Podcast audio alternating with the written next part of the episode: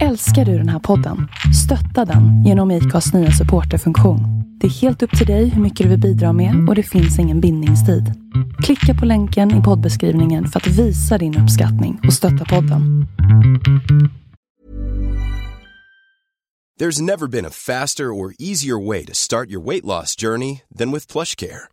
PlushCare accepts most insurance plans and gives you online access to board-certified physicians who can prescribe FDA-approved weight loss medications like Wigovi and Zepbound for those who qualify. Take charge of your health and speak with a board-certified physician about a weight loss plan that's right for you. Get started today at plushcare.com slash weight loss. That's plushcare.com slash weight loss. plushcare.com slash weight loss. I'm Sandra, and I'm just the professional your small business was looking for. But you didn't hire me because you didn't use LinkedIn jobs. LinkedIn has professionals you can't find anywhere else, including those who aren't actively looking for a new job but might be open to the perfect role, like me. In a given month, over 70% of LinkedIn users don't visit other leading job sites. So if you're not looking on LinkedIn, you'll miss out on great candidates like Sandra. Start hiring professionals like a professional. Post your free job on linkedin.com/achieve slash achieve today. Since 2013, Bombas has donated over 100 million socks, underwear, and t-shirts to those facing homelessness. If we counted those on air, this ad would last over 1,157 days. But if we counted the time it takes to make a donation possible, it would take just a few clicks. Because every time you make a purchase, Bombas donates an item to someone who needs it. Go to bombas.com slash ACAST and use code ACAST for 20% off your first purchase. That's bombas.com slash ACAST, code ACAST. Hej och varmt välkomna ska ni vara till ett nytt avsnitt utav Sveriges mest tongivande podcast. Två låtar och en kändis. Veckans gäst, ja, det är faktiskt en utav Sveriges mest kända svenskar. För det finns få andra berömdheter som snabbt blir lika igenkända var de än råkar befinna sig på kartan mellan Ystad och Haparanda. Han är rymdblomman ifrån Gävle som har släppt hela 22 album med hits som Vem ska jag tro på och Vi har bara varandra och Dansa din jävel. Ja, jag skulle också vilja säga att han många gånger med sin musik sätter ord på det som vi alla känner men kanske inte alltid kan förklara. Kära lyssnare, låt mig nu med största stolthet och respekt välkomna artisten med sin alldeles säregna kärlek till världen, Thomas Di Leva. Hej, kul att vara här. Ja, och en riktigt stor ära att få lov att ha dig här. Tack, du är snäll du. Ja, men det, det är en ära för mig att vara här också. ja, fast det kom faktiskt från hjärtat Thomas. Så det, Ja, det det, gjorde det för mig också. ja, men vad bra. Du, jag vet att du är ju högaktuell med massvis av saker och det ska vi komma in på senare. Men först och främst så vill jag ju naturligtvis fråga hur står det till med Thomas Di Leva en dag som denna?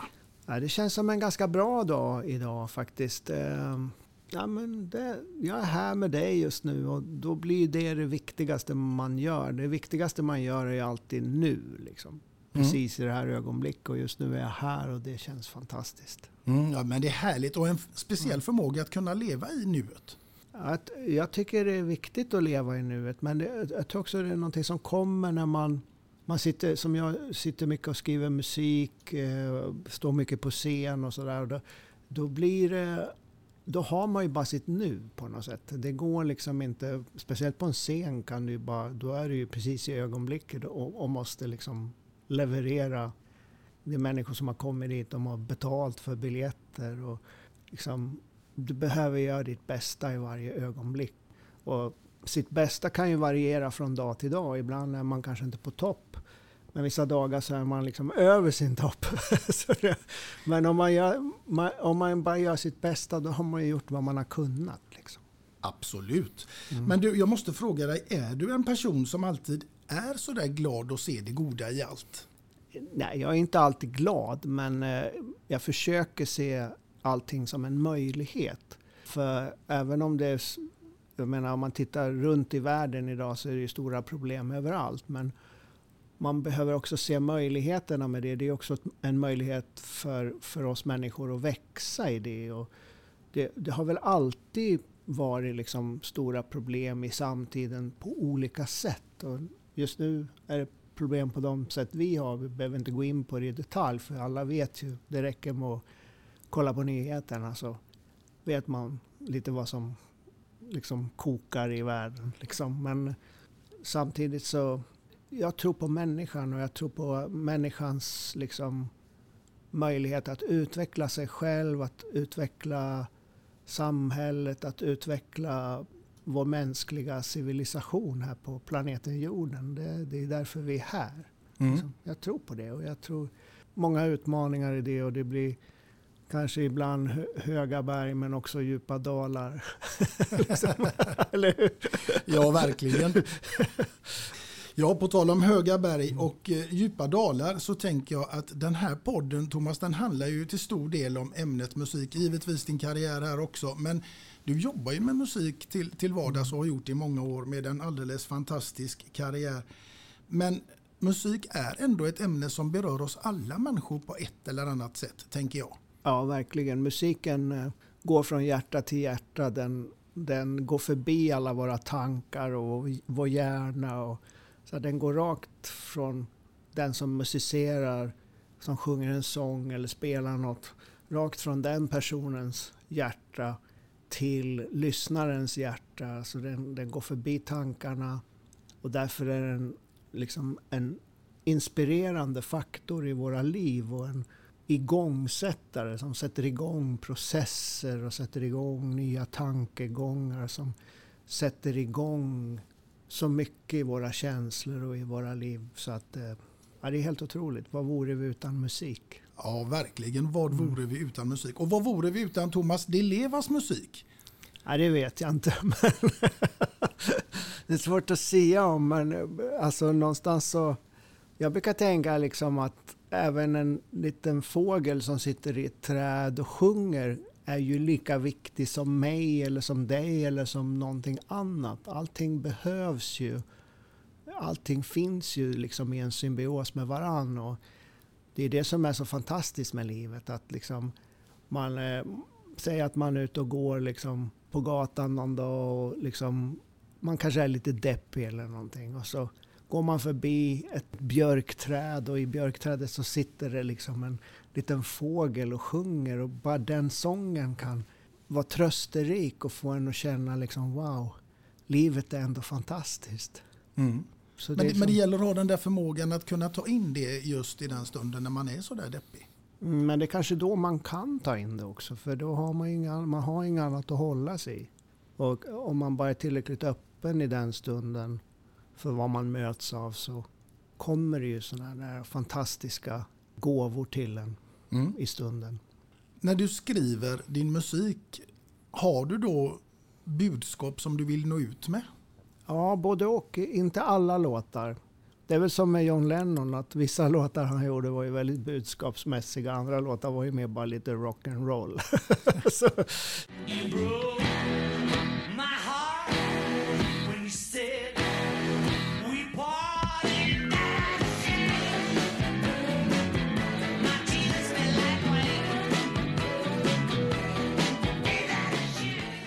Så jag tycker man kan ha liksom bägge. Jag tycker inte man ska måla in sig i ett hörn, att man bara är liksom på ena sättet.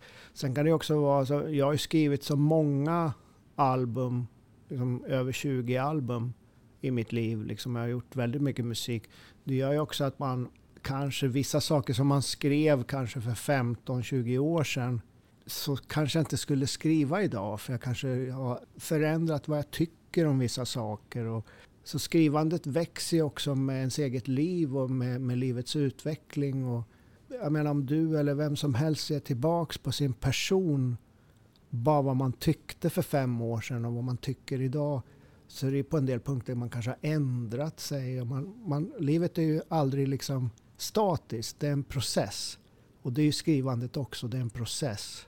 Så, men visst, jag tycker det är viktigt att eh, kanske inte bara skriva låtar som är liksom tralala liksom budskap. Utan det är viktigt att försöka skriva någonting som är betraktelser av att vara någon slags termometer för, för omvärlden. Hur man liksom känner in omvärlden, vad man ser i omvärlden. Och försöka skriva det på ett så pass öppet sätt så att det inte bara blir en tidsstämpel utan så att det också går att ta in liksom längre fram i tiden. Jag försöker att själva kärnan i min musik att den ska bli så tidlös som möjligt och då måste man försöka ha ett ganska öppet förhållningssätt för hur man beskriver saker. Man, ja, man får, om man lyssnar på min musik och framförallt på mina texter och på hur jag väljer att bygga upp låtar och arrangemang så tror jag man förstår hur jag menar när jag säger tidlös. Ja, det tror jag också faktiskt. Då måste jag ju också fråga dig, vad är egentligen ditt absolut allra första minne till musik som du kan komma ihåg från en sån där tidig, tidig ålder? Tidigaste var väl när typ mamma och min syster Camilla, när de brukar stå i, i vardagsrummet och, och dansa till... eh, De, de hade en liten så här skivspelare man lyfte på locket och så var det en så här vinylspelare och så var högtalaren i locket som Ja. man liksom ställde mot väggen. Eh, och så brukar de... på den lilla vinylspelaren brukar de liksom spela Diana Ross and the Supremes, James Brown, Marvin Gaye.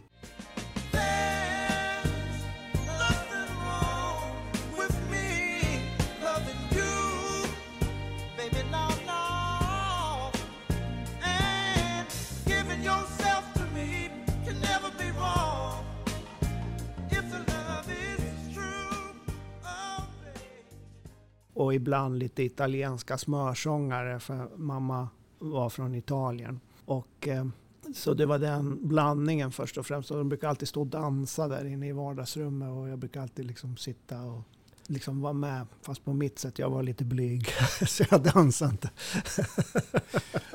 Du var blyg som liten. Ja, jag var väldigt blyg faktiskt. Jag var så blyg så att eh, när eh, det kom besökare så brukar jag gå och gömma mig under ett bord. Liksom. Jag, jag brukar sitta där och rita så där. Så jag hade, jag hade mycket fantasi. Så jag brukar liksom rita väldigt mycket så här eh, hur jag såg på världen och sånt där. Jag var bättre att uttrycka mig på att rita än att, än att liksom vara social kanske. Ritar du någonting än idag? Nej, inte så mycket nu för tiden faktiskt. Men eh, jag, jag gjorde det. Jag, jag målade och ritade ganska mycket fram till ungefär jag var 30 år. Men sen så bara liksom föll det undan. Då, då hade jag ju varit liksom artist några år och jag kände att jag hade så mycket av mitt konstnärliga uttryck i, i artisteriet. Så jag tror att jag fick ut allt det där istället. Mm. Men att, att vara så där blyg, eh, det måste ju vara någonting nästan som har växt bort då för att gå och ställa sig på en scen inför tusentals åskådare. Då krävs det ju att man inte är så blyg. Ja, det är kanske precis en sån person som behöver göra det. Någon som är väldigt blyg, det är kanske den personen som behöver stå på scenen mer än någon annan. Ja, kanske det är så.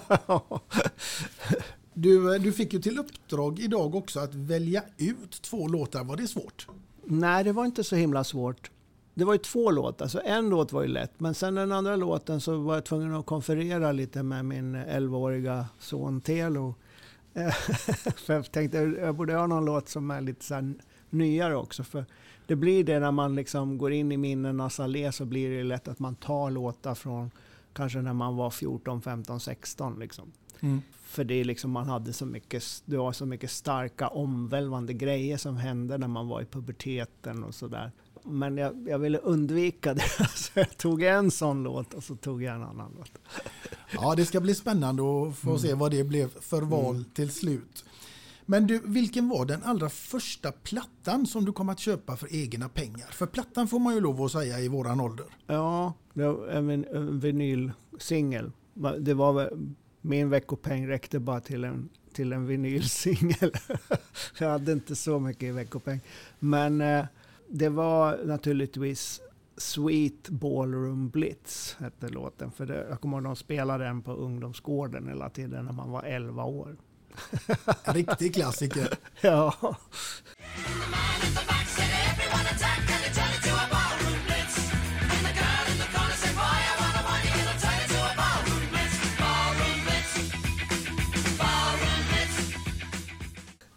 Ja, den gick varm.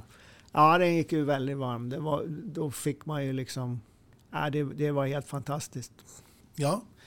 När blev du liksom artist? Om man säger så att du skulle börja leva på din musik eller bestämde dig för att åtminstone försöka göra det? Jag bestämde mig för att försöka göra det när jag var, redan när jag var 18 år. Men det gick inte så bra fram till att jag var kanske 21, 22. Jag tror, det var några år där jag jobbade som diskare och jag jobbade som eh, att jag sorterade post på Tomteboda i, i posten i Stockholm. Eh, sorterade paket. Och eh, ibland så hade jag inga jobb alls och försökte hanka mig fram. Så det var tre, fyra ganska hårda år liksom. Från att jag var 18 till typ 21, 22. Jag kommer ihåg att jag var så himla smal. Ibland så skickade min mamma liksom 500 kronor i ett kuvert och så för att jag skulle kunna gå och köpa lite mat. Ja, För jag väl... bodde, de bodde i Gävle och jag bodde där jag hade- jag hade flyttat ner till Stockholm för att jag ville verkligen bli artist av hela mitt hjärta. Mm. Och det lyckades du ju bra med, men innan du lyckades bra med det så, så hamnade du också någonstans eh, i ett slavkontrakt läste jag. Ja, men det var, alltså det var lite senare. Då hade jag väl redan varit, börjat turnera och jag hade gjort tre album och var, hade väl någon slags kultstämpel. Det har jag väl fortfarande som artist.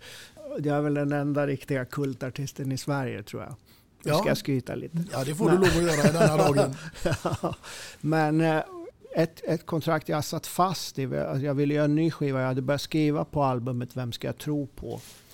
Eh, men jag hade väldigt dålig relation till Sonett som de hette då på den tiden.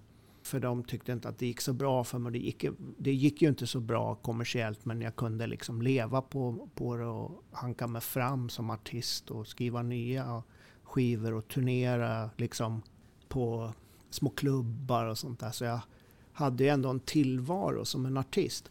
Men de, när jag spelade upp Vem ska jag tro på albumet med Vem ska jag tro på så här, då ville inte de spela in den för de tyckte inte det var bra. De ville att jag skulle göra demos här med någon annan producent. Och jag, men jag var ju så övertygad om att Vem ska jag tro på var, var bra liksom. Så jag gick ju runt och så försökte jag liksom hitta något annat sätt att spela in Vem ska jag tro på? Och blev refuserad nästan över på alla skivbolag jag gick runt. Och så sen så, så gick jag och hade möte med ett bolag som heter Mistlur. Och det var där som Imperiet och Ebba Grön och de där låg. Så det, det var så här alternativbolag. Och eh, de sa, ja men vi vill jättegärna spela in det här materialet. Vi tror på det här liksom. Vi tror på den här skivan. Vem ska jag tro på? Och så erbjöd de mig ett kontrakt med 3 procent. Så det var ju också ett annat, det var ett annat slavkontrakt i princip. Eh, men, jag, men för mig kände jag att konsten var det viktiga. Så det spelar liksom ingen roll om det var... För mig var det viktigt att få ut det mer än liksom att ha ett bra kontrakt. Så då sa de, ja men okej, sa jag. Men då sa de att du måste gå och du måste bli fri från ditt kontrakt med Sonett, annars kan vi inte göra det. Ja, men jag lovar, jag ska lösa det på något sätt. Så bokade de in i sin egen studio en månads inspelning och jag var tvungen att försöka lösa kontraktet, annars skulle det inte bli någon inspelning. Och jag fick aldrig tag på chefen på Sonett, för han ringde aldrig tillbaks. Och sen, jag försökte få tag på honom, så det slutade med att morgonen när vi skulle börja spela in så då var det ju bära eller brista. Kunde jag inte få stopp på det här på kontraktet så skulle det inte bli någon Vem ska jag tro på inspelning. Då, åk, då tog jag en taxi för typ mina sista pengar och åkte ut till Sonett och Eh, sprang förbi receptionen och sprang upp på den där dåvarande sonettchefens kontor. Och så gick jag in på hans rum då och sa till honom att nu måste du liksom skriva ett papper där du bryter kontraktet med mig. Annars hoppar jag ut genom fönstret. Det var ju några våningar upp. och, han, och han blev ju väldigt liksom spak av det. Så han liksom skrev ett papper på en gång och liksom så här. Så liksom, det var ju ett hot naturligtvis. Men annars hade det inte blivit någon Vem ska jag tro på? Jag kände liksom att det här var viktigt. Vem ska jag tro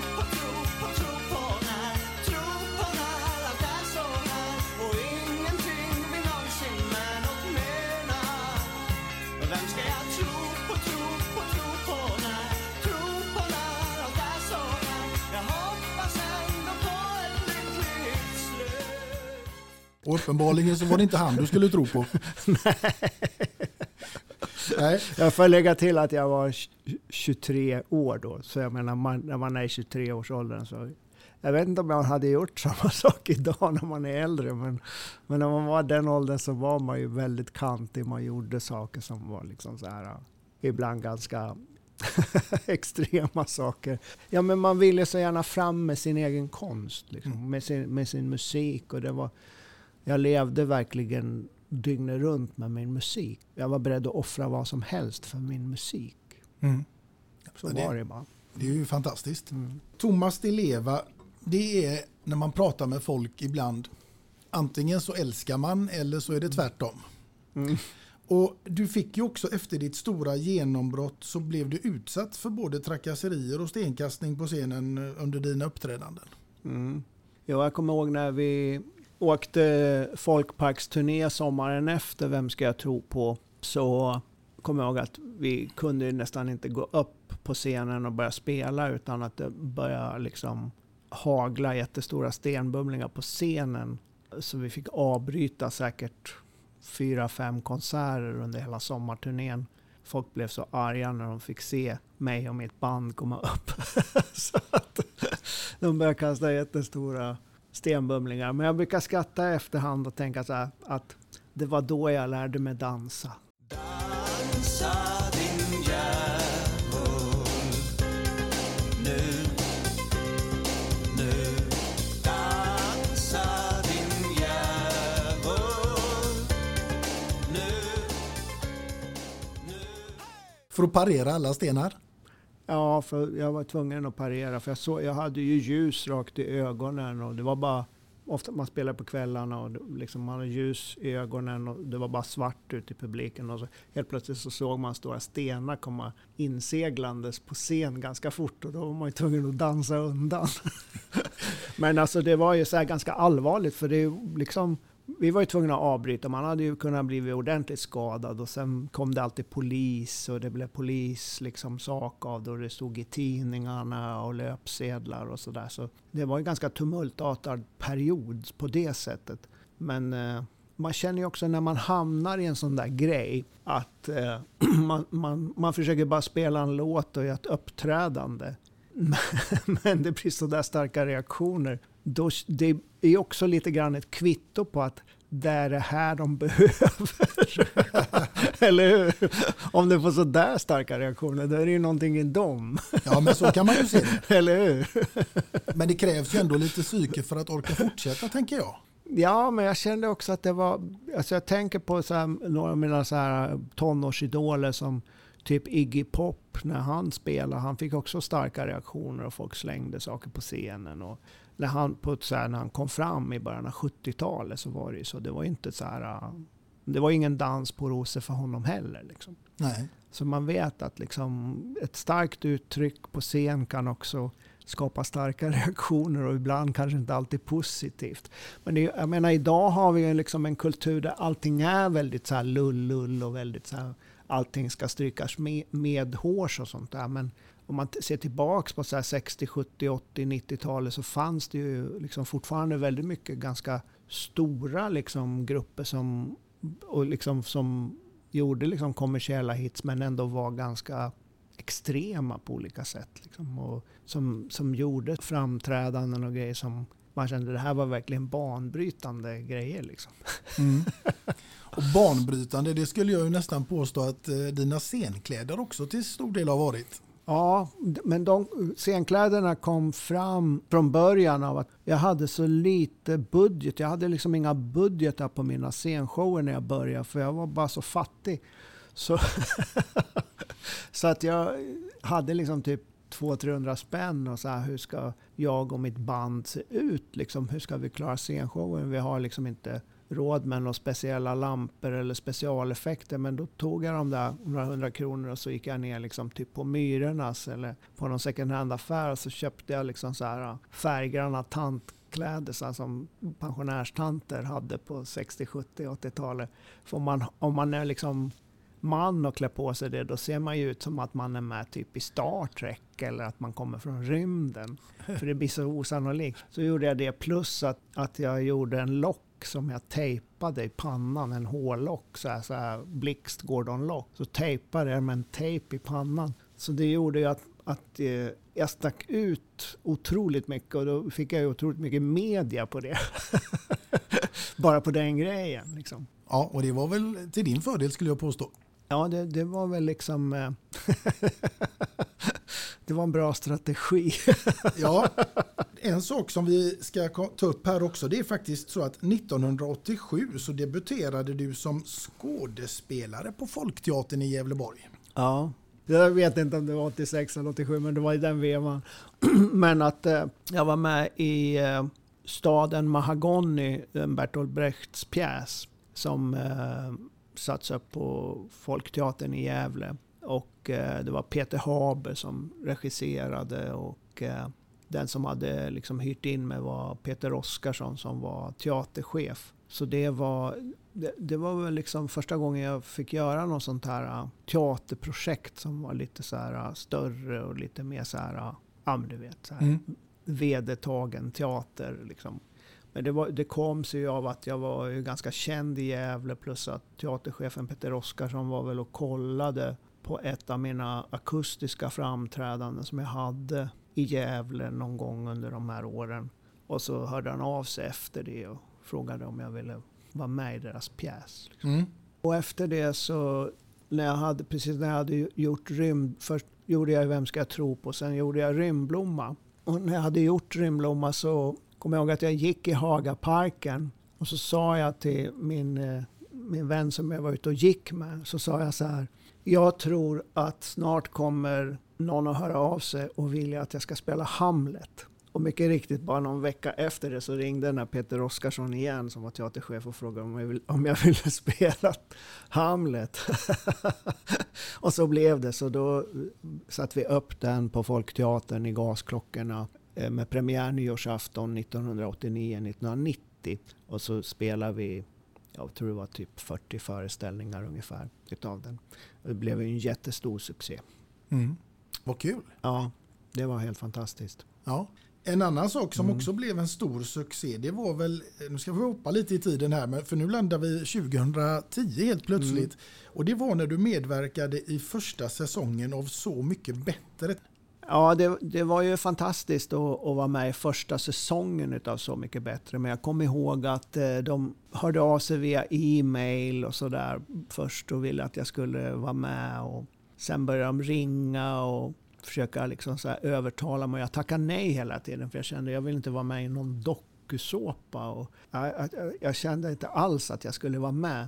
Men så eh, sa mitt skivbolag typ att men du kan väl gå och ta ett möte med dem i alla fall. Så jag gick upp på liksom, produktionsbolaget som skulle göra det här för TV4. Och eh, då när jag satt där och de förklarade idén så lät det så här, men det här kan nog bli kul. Och så hörde jag att Lasse Berghagen hade tackat ja. Och då tänkte jag, ja men man är väl inte dummare än att man kan ändra sig. Så, så, så blev det att jag var, var med och det blev ju en jättestor succé. Det visste ju inte vi riktigt då när vi gjorde inspelningen. Det var ju liksom första säsongen men det blev jättestor succé och vi fick tv-pris. Och nu är det ju en legendarisk serie. Liksom. Verkligen. Ja. Hur känns det då när andra artister tolkar dina musikaliska verk? Ja, men det, det känns bra. Alltså, jag tror det är svårt att göra en Di Leva-låt bra. Liksom. Därför det är väl, jag lägger väldigt mycket i liksom, det jag gör. Så jag, jag tror det är svårt att göra en bra tolkning om man inte sätter sig in i, i musiken. Liksom. Den, den, då, den, är, den är nog sken, min musik är nog skenbart enkel. Man tror att det är enkelt men, men den, den är liksom... Jag lägger ner väldigt mycket tid på alla inspelningar. Och liksom, så, men visst, det, det är roligt att höra Mm. när de tolkar det. Ja, absolut, det kan jag tänka mig. Ja. Du, nu är det faktiskt så att vi ska ta reda på hur mycket tid du har lagt ner på att eh, plocka fram ditt första låtval som vi har kommit fram till eh, här nu och som jag är extremt nyfiken på vad det skulle kunna vara och med vem och såklart inte minst varför. Det första låtvalet jag har är ganska enkelt. Det kom till mig på en gång. Och det är Let's Dance med David Bowie. Och den valde jag dels för att den, eh, när den kom, liksom, jag tror jag var 18 år när den kom. Så den sommaren när den kom och så här, betydde ju väldigt mycket liksom var man än gick på fest eller om man gick ut på klubb eller vad, så hörde man ju den låten hela tiden. Plus att eh, jag kommer ihåg att jag åkte till Ullevi och kollade på David Bowies Serious Moonlight Tour som han hade där i Göteborg. Han gjorde världsturné med det och jag kommer ihåg att det var en otroligt omvälvande upplevelse att se David Bowie live för första gången. För det hade varit min stora tonårsidol liksom, när jag var från att jag var kanske 11-12 år. Och eh, jag hade inte mer pengar än att jag, liksom, jag hade råd med tågbiljetter men efter konserten på Ullevi fick jag gå utomhus hela natten och vänta på första tåget hem för jag hade inte råd med hotell. så, så det, men det var ofta så på den tiden för mig. men eh, sen har jag också valt Let's Dance för att eh, jag är ute med min eh, hyllningsföreställning till David Bowie, Changes, De Leva, Tolka David Bowie. Och vi börjar nu med vår nypremiär den 16 mars i Norrköping och sen är vi ute i landet på 21 konserthus fram till 4 mars och spelar. Så det, det har ju också sådana liksom referenser varför jag valde den låten. Mm. Då får vi hoppas att eh, du tar med dig eh, en sån föreställning till staden Göteborg där jag bor. Jo, men jag är faktiskt i Göteborg på Lorensbergsteatern 25-26 april, alltså två dagar där. Så, men eh, jag ser att det börjar ju sälja ut i hela landet, men det finns fortfarande lite biljetter kvar i Göteborg så man får skynda sig. Men det är så fantastiskt. Vi har, vi har liksom gjort över 150 utsålda föreställningar med den här showen, hyllningsshowen till David Bowie. Så jag är himla glad. Jag har liksom fått inte bara spela min egen musik och skriva min egen musik och spela in skivor och sådär hela mitt liv. Jag har också fått göra en hyllningsföreställning till liksom min, min eh, tonårsidol. Så det, det känns verkligen helt fantastiskt. Mm. Då tycker jag vi tar och lyssnar på Let's Dance med David Bowie nu.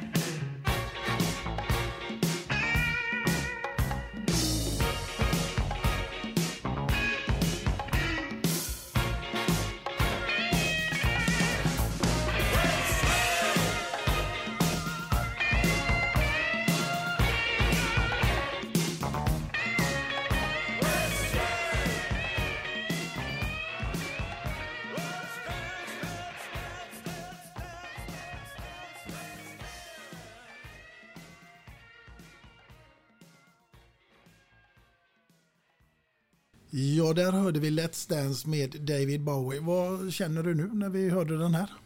Ja, men det känns ju, jag tycker den här låten, det är en riktigt tidlös popdänga.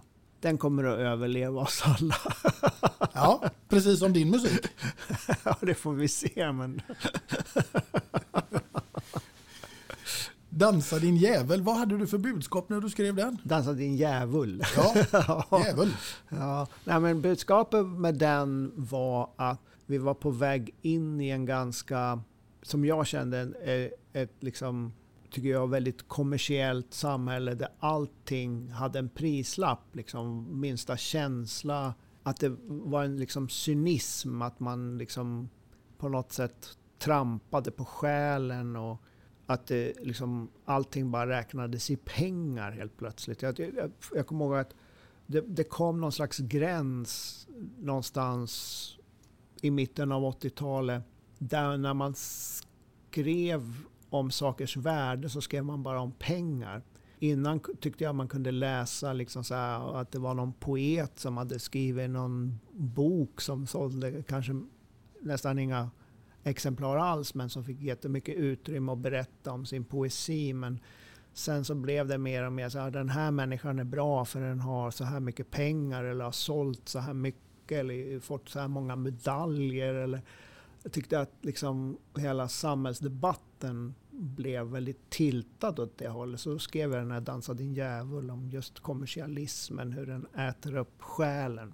Alltså jag är inte emot kommersialism, jag är inte emot eh, pengar eller emot framgång. Jag tycker det är otroligt bra saker för det, man, man kan förverkliga sina drömmar och sträva efter någonting hela tiden.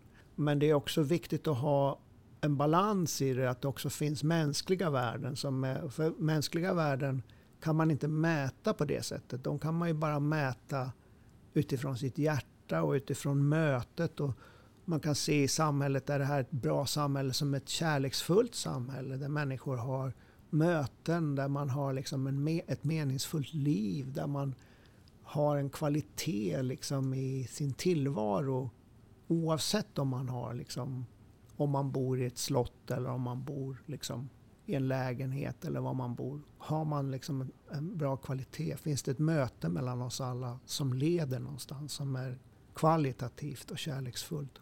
Så det var därför jag skrev Dansa din djävul. Mm. Det var en bra förklaring Mm. och eh, kloka ord ifrån Thomas Di Leva.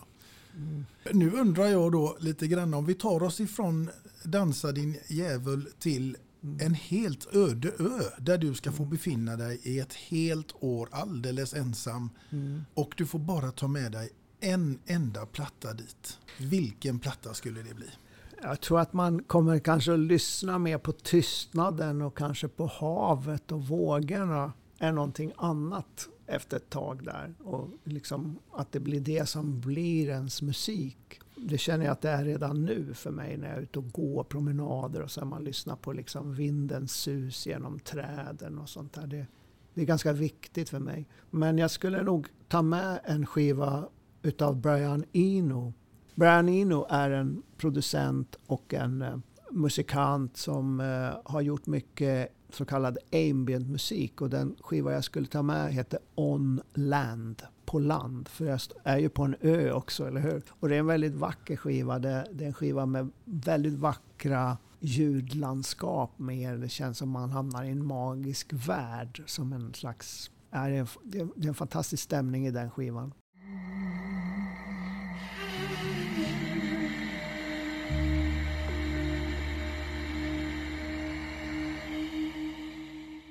Brian Eno har också, han har också producerat Talking Heads. Han har producerat eh, U2. Han har samarbetat med David Bowie. Han var ursprungligen med i Roxy Music men slutade ganska tidigt efter två album med Roxy Music. Så han har ju liksom en gedigen karriär bakom sig och eh, har gjort fantastisk musik. Mm.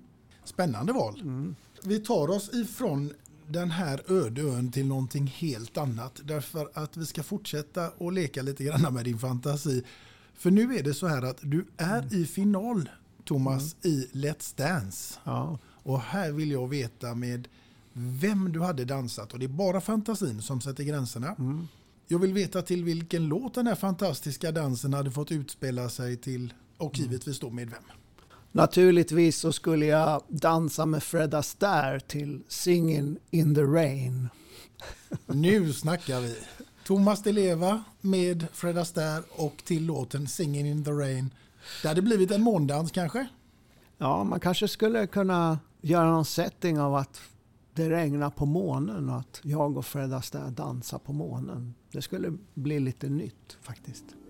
I'm singing in the rain, just singing in the rain. What a glorious feel, and I'm happy again. Ja, det hade blivit en alldeles egen prägel. Even when we're on a budget, we still deserve nice things. Quince is a place to scoop up stunning high-end goods for 50 to 80% less than similar brands. They have buttery soft cashmere sweaters starting at $50, luxurious Italian leather bags, and so much more. Plus, Quince only works with factories that use safe, ethical, and responsible manufacturing. Get the high-end goods you'll love without the high price tag with Quince. Go to quince.com slash style for free shipping and 365-day returns. I'm Sandra, and I'm just the professional your small business was looking for. But you didn't hire me because you didn't use LinkedIn jobs. LinkedIn has professionals you can't find anywhere else, including those who aren't actively looking for a new job but might be open to the perfect role, like me. In a given month, over 70% of LinkedIn users don't visit other leading job sites. So if you're not looking on LinkedIn, you'll miss out on great candidates like Sandra. Start hiring professionals like a professional. Post your free job on linkedin.com/achieve slash achieve today. Hey Dave. Yeah, Randy. Since we founded Bombus, we've always said our socks, underwear, and t-shirts are super soft. Any new ideas? Maybe sublimely soft. Or disgustingly cozy? Wait, what? I got it. Bombus. Absurdly comfortable essentials for yourself And for those facing homelessness. because one purchased equals one donated. Wow, did we just write an ad? Yes. Bombas. Big comfort for everyone. Go to bombas.com slash ACAST and use code ACAST for 20% off your first purchase. Millions of people have lost weight with personalized plans from Noom, like Evan, who can't stand salads and still lost 50 pounds. Salads, generally, for most people, are the easy button, right? For me, that wasn't an option. I never really was a salad guy. That's just not who I am. But Noom worked for me. Get your personalized plan today at Noom.com. Real Noom user compensated to provide their story. In four weeks, the typical Noom user can expect to lose one to two pounds per week. Individual results may vary. Hey there, it's Michelle Norris. I'm host of a podcast called Your Mama's Kitchen. When I travel, I'm usually looking for a way to find a taste of home when I'm not at home. And one of the things I love to do when I am at home is entertain. And Airbnb allows me to do that. When I was in California recently, I rented a house that had a great kitchen. And when we were sitting around the table, we we're all thinking, we're in someone else's house. Someone could be in all of our homes as well. If you have a home, but you're not always at home, you have an Airbnb. Your home might be worth more than you think. Find out how much at airbnb.com/slash host.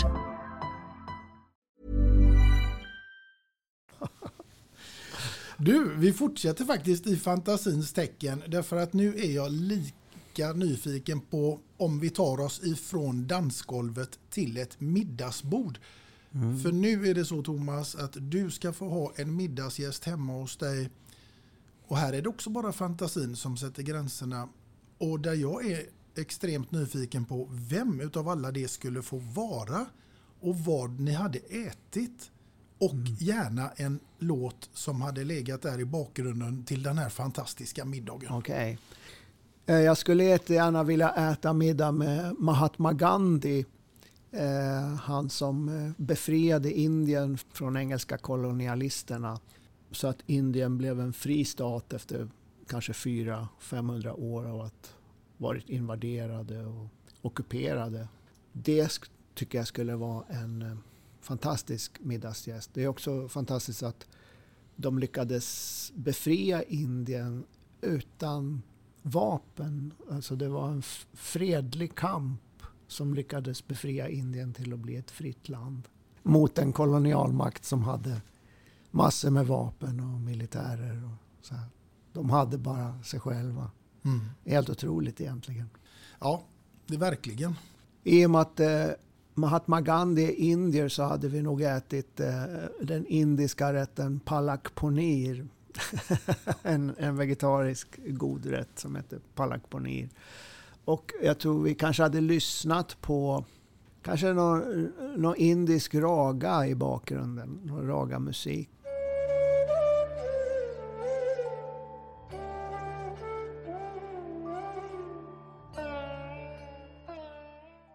Det hade varit en fin kväll. Det tror jag alldeles säkert. Ja. Vad var den första frågan du hade ställt till eh, Gandhi? Min första fråga till Gandhi skulle vara var han fick sin inspiration ifrån.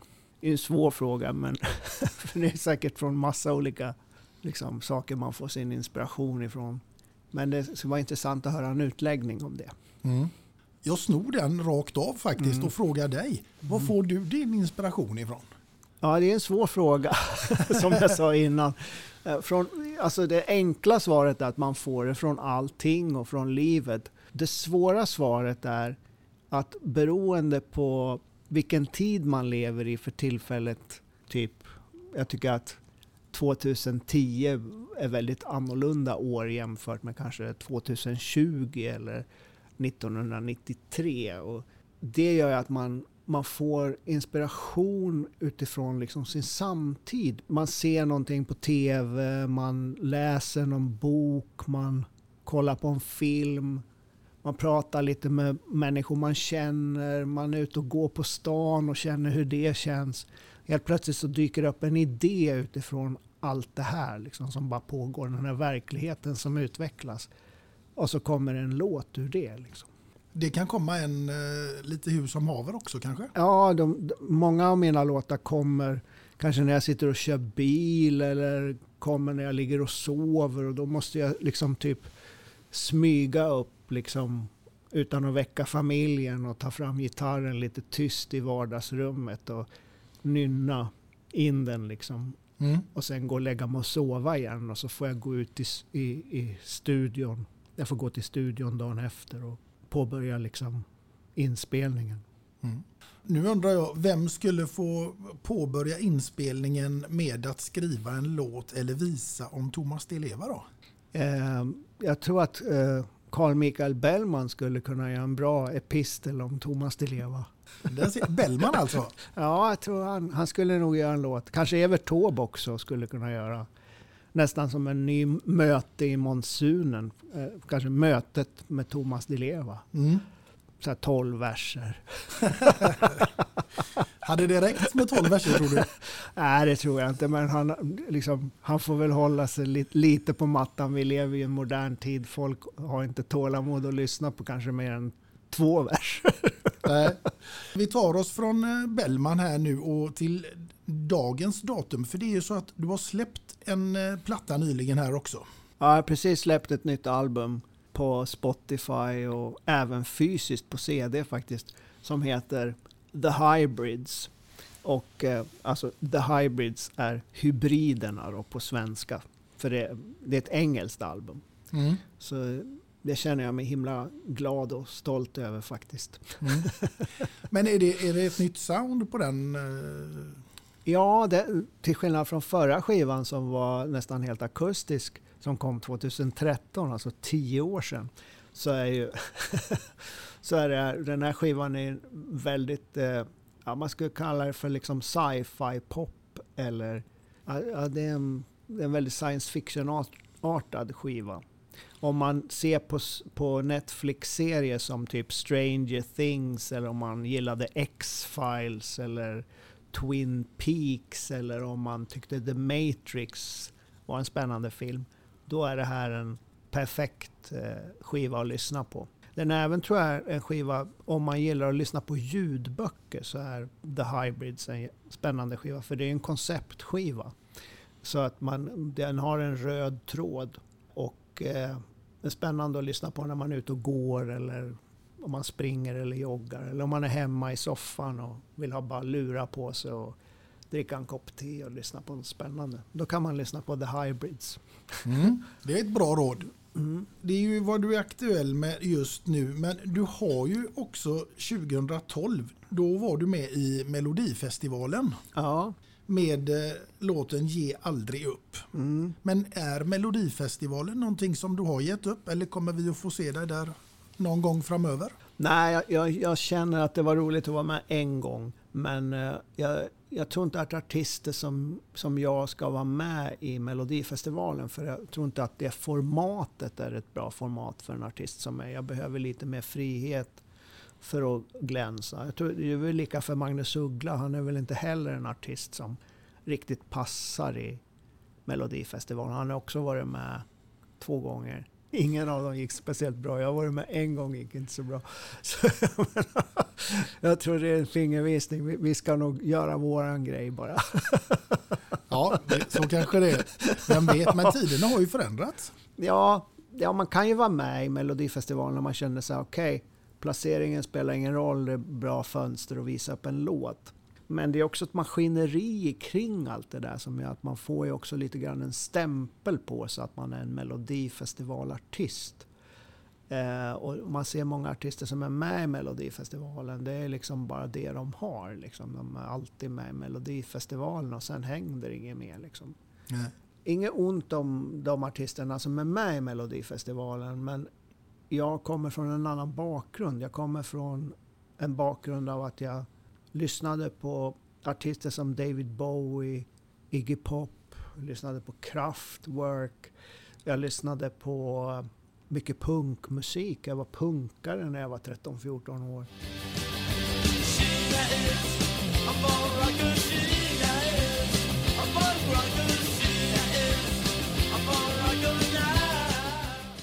Och då känns kanske Melodifestivalen lite grann som det kanske inte är den vägen som är så intressant för mig att gå med mitt artisteri. Jag har ju liksom ändå utvecklat ett, ett ganska, utan att skryta för mycket, ett ganska unikt artisteri. Det artisteri jag gör, det, det finns ingen annan di leva. Inte i Sverige, inte i världen, någonstans på jorden. Och då tycker jag man ska vara lite rädd om det artisteriet och inte bara liksom hoppa på varenda grej för att det är en kommersiell grej. Nej, det har du helt rätt i.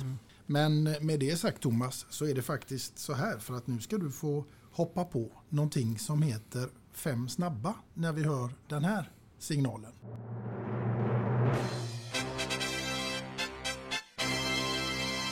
Är du redo? Absolut. Vara bäst bland de sämsta eller sämst bland de bästa? Sämst bland de bästa. För då kan man ju alltid lära sig någonting, eller hur?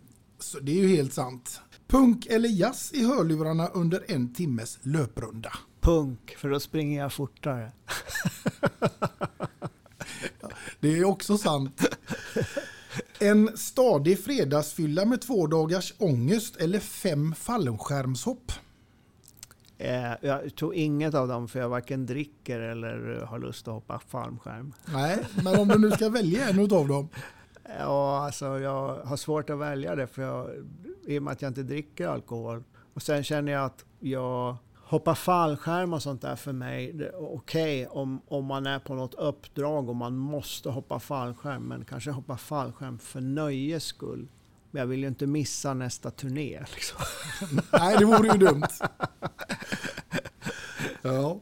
Vara programledare för Paradise Hotel eller Naked Attraction? Jag tror, eh, alltså det är ju lika där, men i så fall kanske Paradise Hotel. Där har de i alla fall kläder på sig. Mm. Jag Ja. tycker det andra blir lite väl privat kanske för mig, för min smak. Ja. liksom, så, okej. Ja, jag håller faktiskt med dig. Alltså jag har ingen lust med... Nej. Folk gör privat, fine, gör vad ni vill. Ja. Men om jag ska träffa någon person så liksom, då kan de väl åtminstone då- ha kläder på sig. Om jag, jag känner inte den här personen. Liksom. Då gör vi som vi gör idag. Vi gör den här intervjun med kläder på. Ja, jag, jag kommer inte hit naken till dig. Du, kung i baren med Magnus Uggla eller Främling med Carola? Det skulle vara som jag, jag, jag gillar Magnus Uggla. Det skulle vara kul att vara lite kung i baren med honom. Jag tycker Carola också är fantastisk, men eh, i baren kan jag ju liksom kanske dricka en Ramlösa och skåla med honom. Ja, absolut. Vi tar oss ifrån de här fem snabba till någonting som också kanske hade gått ganska fort. För då tänker jag nämligen fråga dig. Du går där hemma och städar och radion är påslagen. Mm. Helt plötsligt så dyker det upp en låt där du känner nej, nej, nej, inte en chans. Det här åker av eller jag byter kanal. Vad skulle det kunna vara? Alltså, alltså, jag gillar alla genrer ganska mycket. Jag tycker det finns både bra och dålig musik i alla genrer faktiskt. Jag gillar till och med jazz. Eh, eh, det gillade jag, eller till och med. Alltså jag, när jag var yngre ville jag bara liksom höra rock och punk och heavy metal och syntmusik och så här, och tänkte aldrig på, på jazz och så här. Men nu lyssnar jag, ibland brukar jag gå ut på Youtube och lyssna på liksom så här jazzband och sånt där för jag tycker det är spännande att höra vad de gör. Men äh, musik, ja, men jag, jag känner mer att ibland viss form av musikal musik kan jag tycka känns, den känns lite påklistrad. Så där hade jag nog bytt kanal. Mm. Nu ska vi ta oss till någonting helt annat och då ska vi nämligen komma in lite granna på ditt absolut bästa minne ifrån din långa karriär. Vad är det för någonting? Det är jättesvårt. Hur ska jag kunna ta ett bästa minne av ett, när jag har hållit på så himla länge som artist? Ja, det kan man fråga sig. Men jag tänker om du har något som utmärker sig sådär eh, speciellt. En, ett bra minne det var ju sommaren 1999 eh, när jag släppte mitt första riktiga stora samlingsalbum som hette För Sverige i rymden. Och eh, vi, eh, det blev ju sån enorm succé. Jag, jag låg sex veckor på första plats på försäljningslistan med albumet. Det är väl ett av de album som har sålt bäst. Ett, ett av de samlingsalbum som har sålt bäst i Sverige. Jag tror den ligger topp 10 på de mest sålda sam samlingsalbumen. Och, så det var ett fantastiskt minne. Jag kommer ihåg att ju längre sommaren gick, desto liksom mer och mer liksom... Ja, det, ja, det var helt otroligt. Det var, när vi spelade på Liseberg så var det så mycket folk så att de fick stänga grindarna. Det var liksom typ 45 000 personer där inne. De kunde inte få in några fler så de var tvungna att stänga grindarna. Det, hela, hela den sommaren var en magisk sommar. Men jag känner att det, det är som sagt det är omöjligt att säga ett enda minne. Mm. För det har hänt så mycket. Mm. Och mycket mer ska det ju hända för att det är ju faktiskt så att Digilo firar 20-årsjubileum. Mm. Och där ska du vara med i år. Ja, de ringde och frågade om jag ville vara med på deras 20-årsjubileum. jag har varit med i Digilo två gånger förr, 2011 och 2016. Så man får väl säga att det är tredje, gång, tredje gången gilt. Och jag tycker det är fantastiskt att vara med nu då när de har 20-årsjubileum. För det, årets show kommer ju bli någonting alldeles extra på grund av det. Så det, det är jättehedrande att de ringer och vill att jag ska komma och vara Thomas Di Leva med dem. ja, men det får man ju verkligen lov att säga. Förutom alla dina scenframträdanden som du gör när det gäller musik så håller du ju också på med en hel del föreläsningar och annat, eller har åtminstone gjort eh, mm. under 20 års tid med, med, meditation och personlig utveckling. Mm. Hur kom du in på det? Jag kom in på det för att jag mediterade väldigt mycket redan när jag var kanske 11-12 så började jag meditera för vi hade någon lärare på skolan som brukar leda meditation sådär innan lektioner ibland. Liksom. Och jag blev väldigt intresserad av det så jag gick och lånade böcker på stadsbiblioteket i Gävle om meditation och så började jag prova det hemma.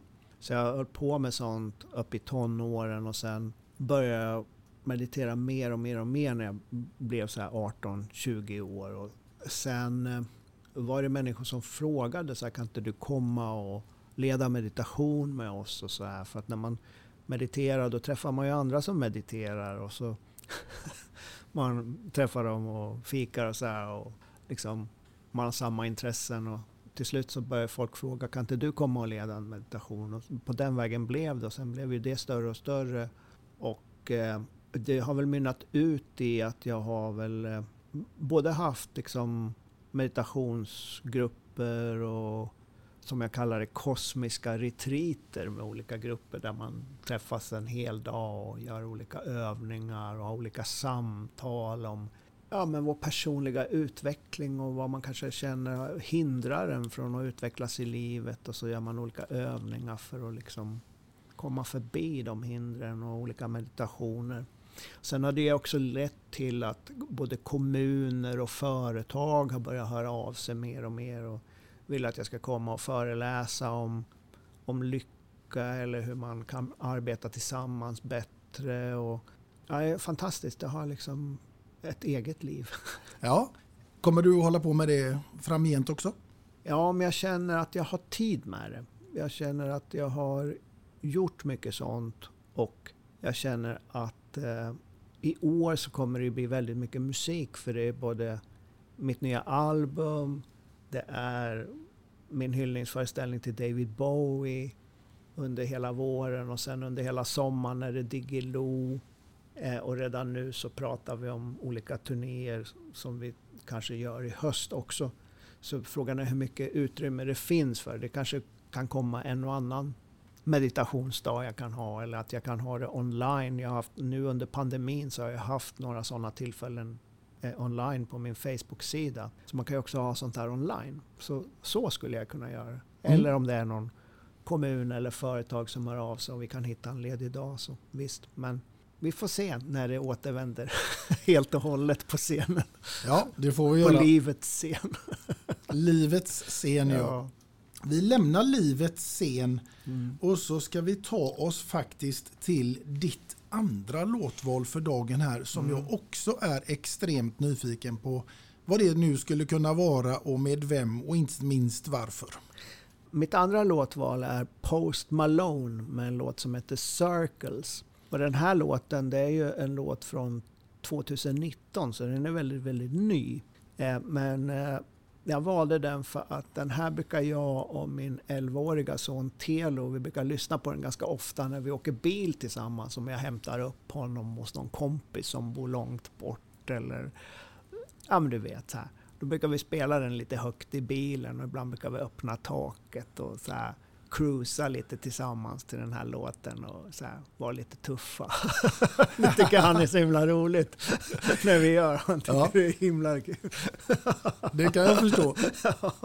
Du, då tycker jag faktiskt att vi kör den här låten och så Ja. hoppas vi att Telo lyssnar på den. Ja.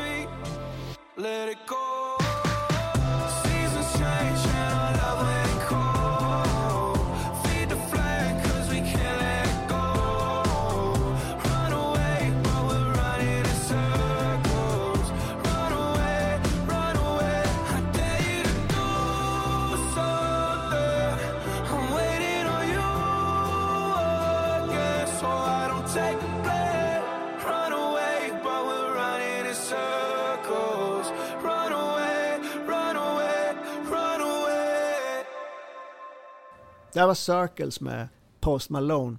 Det är en helt fantastisk låt tycker jag och eh, det är roligt med den här låten för det är inte bara när jag, när jag och Tela åker bil som vi har lyssnat på den här utan vi började lyssna på den här låten när vi var på Mauritius och, och hade semester med familjen och så brukar vi bada och så brukar vi lyssna mycket på den här låten liksom på den semestern. Det var en helt fantastisk semester på Mauritius som vi hade tillsammans. Så många fina minnen till den låten. Härligt. På tal om minnen och sådär så måste jag ju tänka att svenska folket har en hel del minnen ihop med Thomas Di Leva. Händer det att folk kommer fram till dig på stan och vill ta massa bilder och prata musik? Ja, nästan varje dag faktiskt. Inte varje dag, men, men nästan varje dag. Eh, Definitivt om jag åker till en annan stad, men där jag bor blir det ju inte så mycket. För där är det ju, känner ju folk till en sedan länge. Liksom, så att där är det med att man hejar på varandra och pratar lite med varandra. Ja. Men om du typ kommer till eh, Småland eller någonting? Ja, då? så fort jag lämnar liksom, området där jag bor blir det så. Mm. Om jag åker in till stan i Stockholm eller om jag åker liksom, till en annan del av Stockholm så blir det ju ofta så. Eller om jag åker till en annan stad när jag är ute på turné och sånt där blir det alltid så. Mm. När känner du att du egentligen blev Thomas Di Leva med hela svenska folket? Jag tror att det var när jag släppte Vem ska jag tro på som det verkligen lossnade helt. Innan så var jag ganska känd och så här, spelades mycket på radion faktiskt från 1985 och framåt. Det är helt fantastiskt. Men att när Vem ska jag tro på kom 1987 då, då exploderade det. Mm. Alla artister tänker jag har liksom låtar som de alltid kommer att förbli förknippade med. Och vem ska jag tro på? Det känner man ju liksom, hör man de orden så är det ju Thomas Di Leva. Ja, det har blivit så. Men det är, det är himla fantastiskt att det är så. Jag känner inte att någon av de här låtarna som Miraklet, Vem ska jag tro på, Vi har bara varandra, Dansa din djävul, Vad är frihet, Everyone is Jesus och så vidare. Jag känner inte att de... Det är inte bara mina låtar utan det är låtar som tillhör alla som lyssnar på dem. Liksom, de tillhör folket. Liksom. Det är fantastiskt att ha den känslan. Mm. Det kan jag tänka mig. Jag tänker att vi faktiskt ska ta oss till något helt annat ämne här nu och då är det ju så att jag vet att både du och din fru eh, är veganer sedan många år. Ja, eller veganer kanske 80-90 procent men ibland så blir det någon mjölkprodukt som slinker ner så vegetarian är väl kanske vad vi är men ärligt talat så jag tror vi äter mest vegankost. Ja. Vad kommer det sig? Eh, Jag blev det redan när jag var 18-19 år. Kommer ihåg att jag lyssnade mycket på Bob Marley och han var vegetarian. Och jag tyckte väldigt mycket om hans musik och det han sjöng om och liksom fredsbudskapet. Och jag blev väldigt inspirerad av det. Och jag kände liksom att jag tyckte, ja, men jag tyckte synd om djuren. Och, ja, så, så blev jag vegetarian liksom, i den vevan. Så det, det var ganska tidigt. Och sen när jag träffade Sofie, vi, vi träffades 2009 och blev tillsammans. Så hon var ju redan det. Liksom. Så jag vet inte hur hon blev det, du får fråga henne om. Men jag tror också jag tror hon blev det typ redan i, när hon var barn. Eller något sånt där. Ja. Så det, för, för oss är det inget konstigt utan det är bara som det är. Mm. Vilken är då din paradrätt när det kommer till vegansk mat? Jag har inga paradrätter.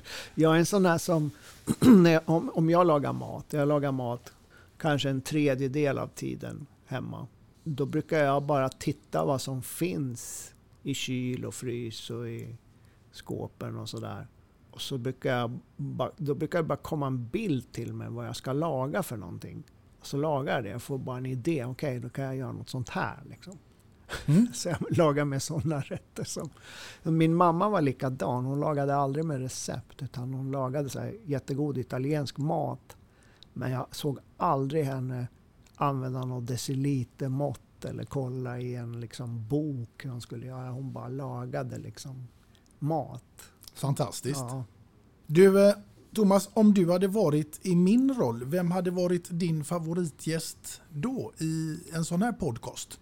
Om jag, var, om jag hade en podcast och hade olika gäster så skulle jag tycka det var roligt att ha en gäst som heter Joe Rogan. För han är den största podcasten i världen. Jag tänker om man har honom som gäst. Han har ju liksom så här 5-6 miljoner lyssnare per avsnitt.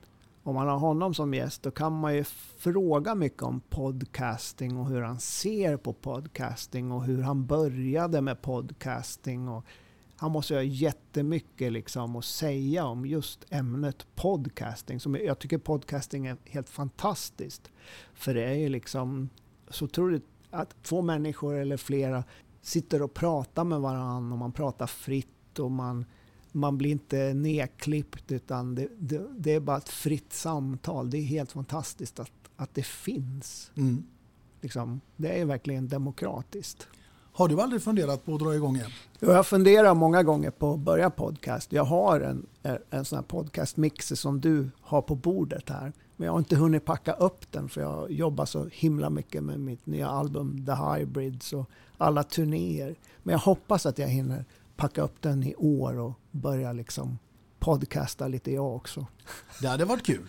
Ja, det skulle vara roligt. Vad skulle den handla om? Jag tycker att den skulle handla väldigt mycket om eh, hur man kan stärka sig själv som människa i den här tiden vi lever i. Som jag tycker är en ganska hård tid. Och det är liksom det är inte lätt för vanliga människor, en, en vanlig familj eller så här, hur man ska få ihop sin tillvaro idag. Det är både stressigt och allting är dyrt och det är inflationer och det är krig och det är så mycket elände. Så vi behöver på något sätt stärka oss tillsammans så att vi liksom kan ta oss igenom de här stormarna till liksom en, en soligare sida av världen som jag är övertygad kommer snart också. Men jag tror att det blir några hårda år här. Liksom. Mm.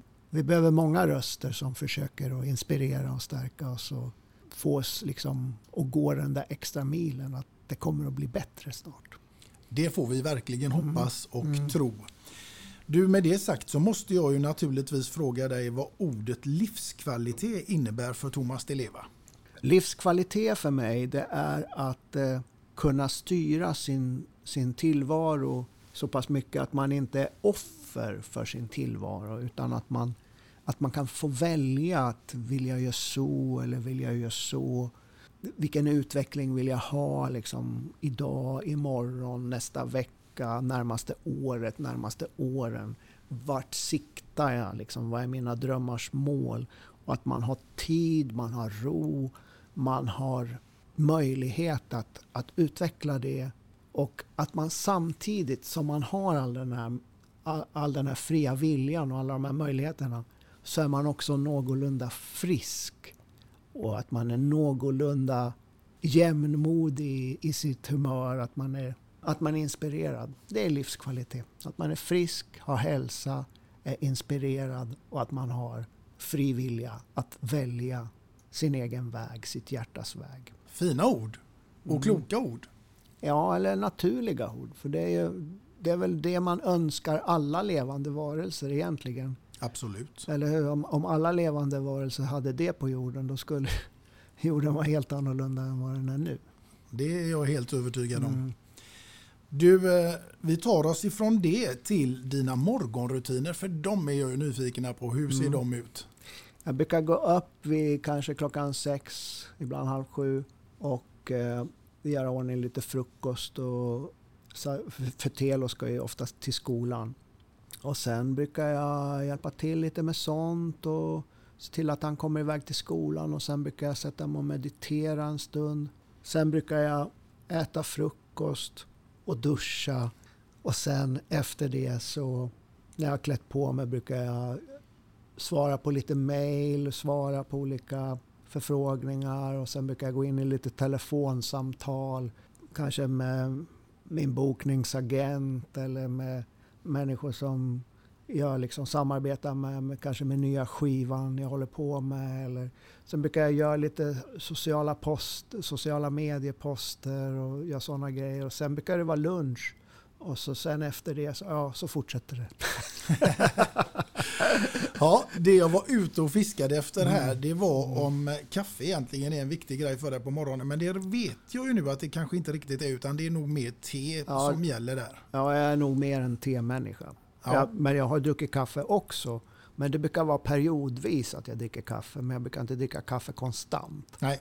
Mm. Hur den må vara så är det i alla fall så att jag och två låtar och en kändis vill bidra med någonting till dina morgonrutiner och givetvis efter morgonen också i form av den här fina kaffemuggen som jag nu ska be att få sträcka över till dig med två låtar och en kändis och dessutom ditt namn ingraverat på baksidan.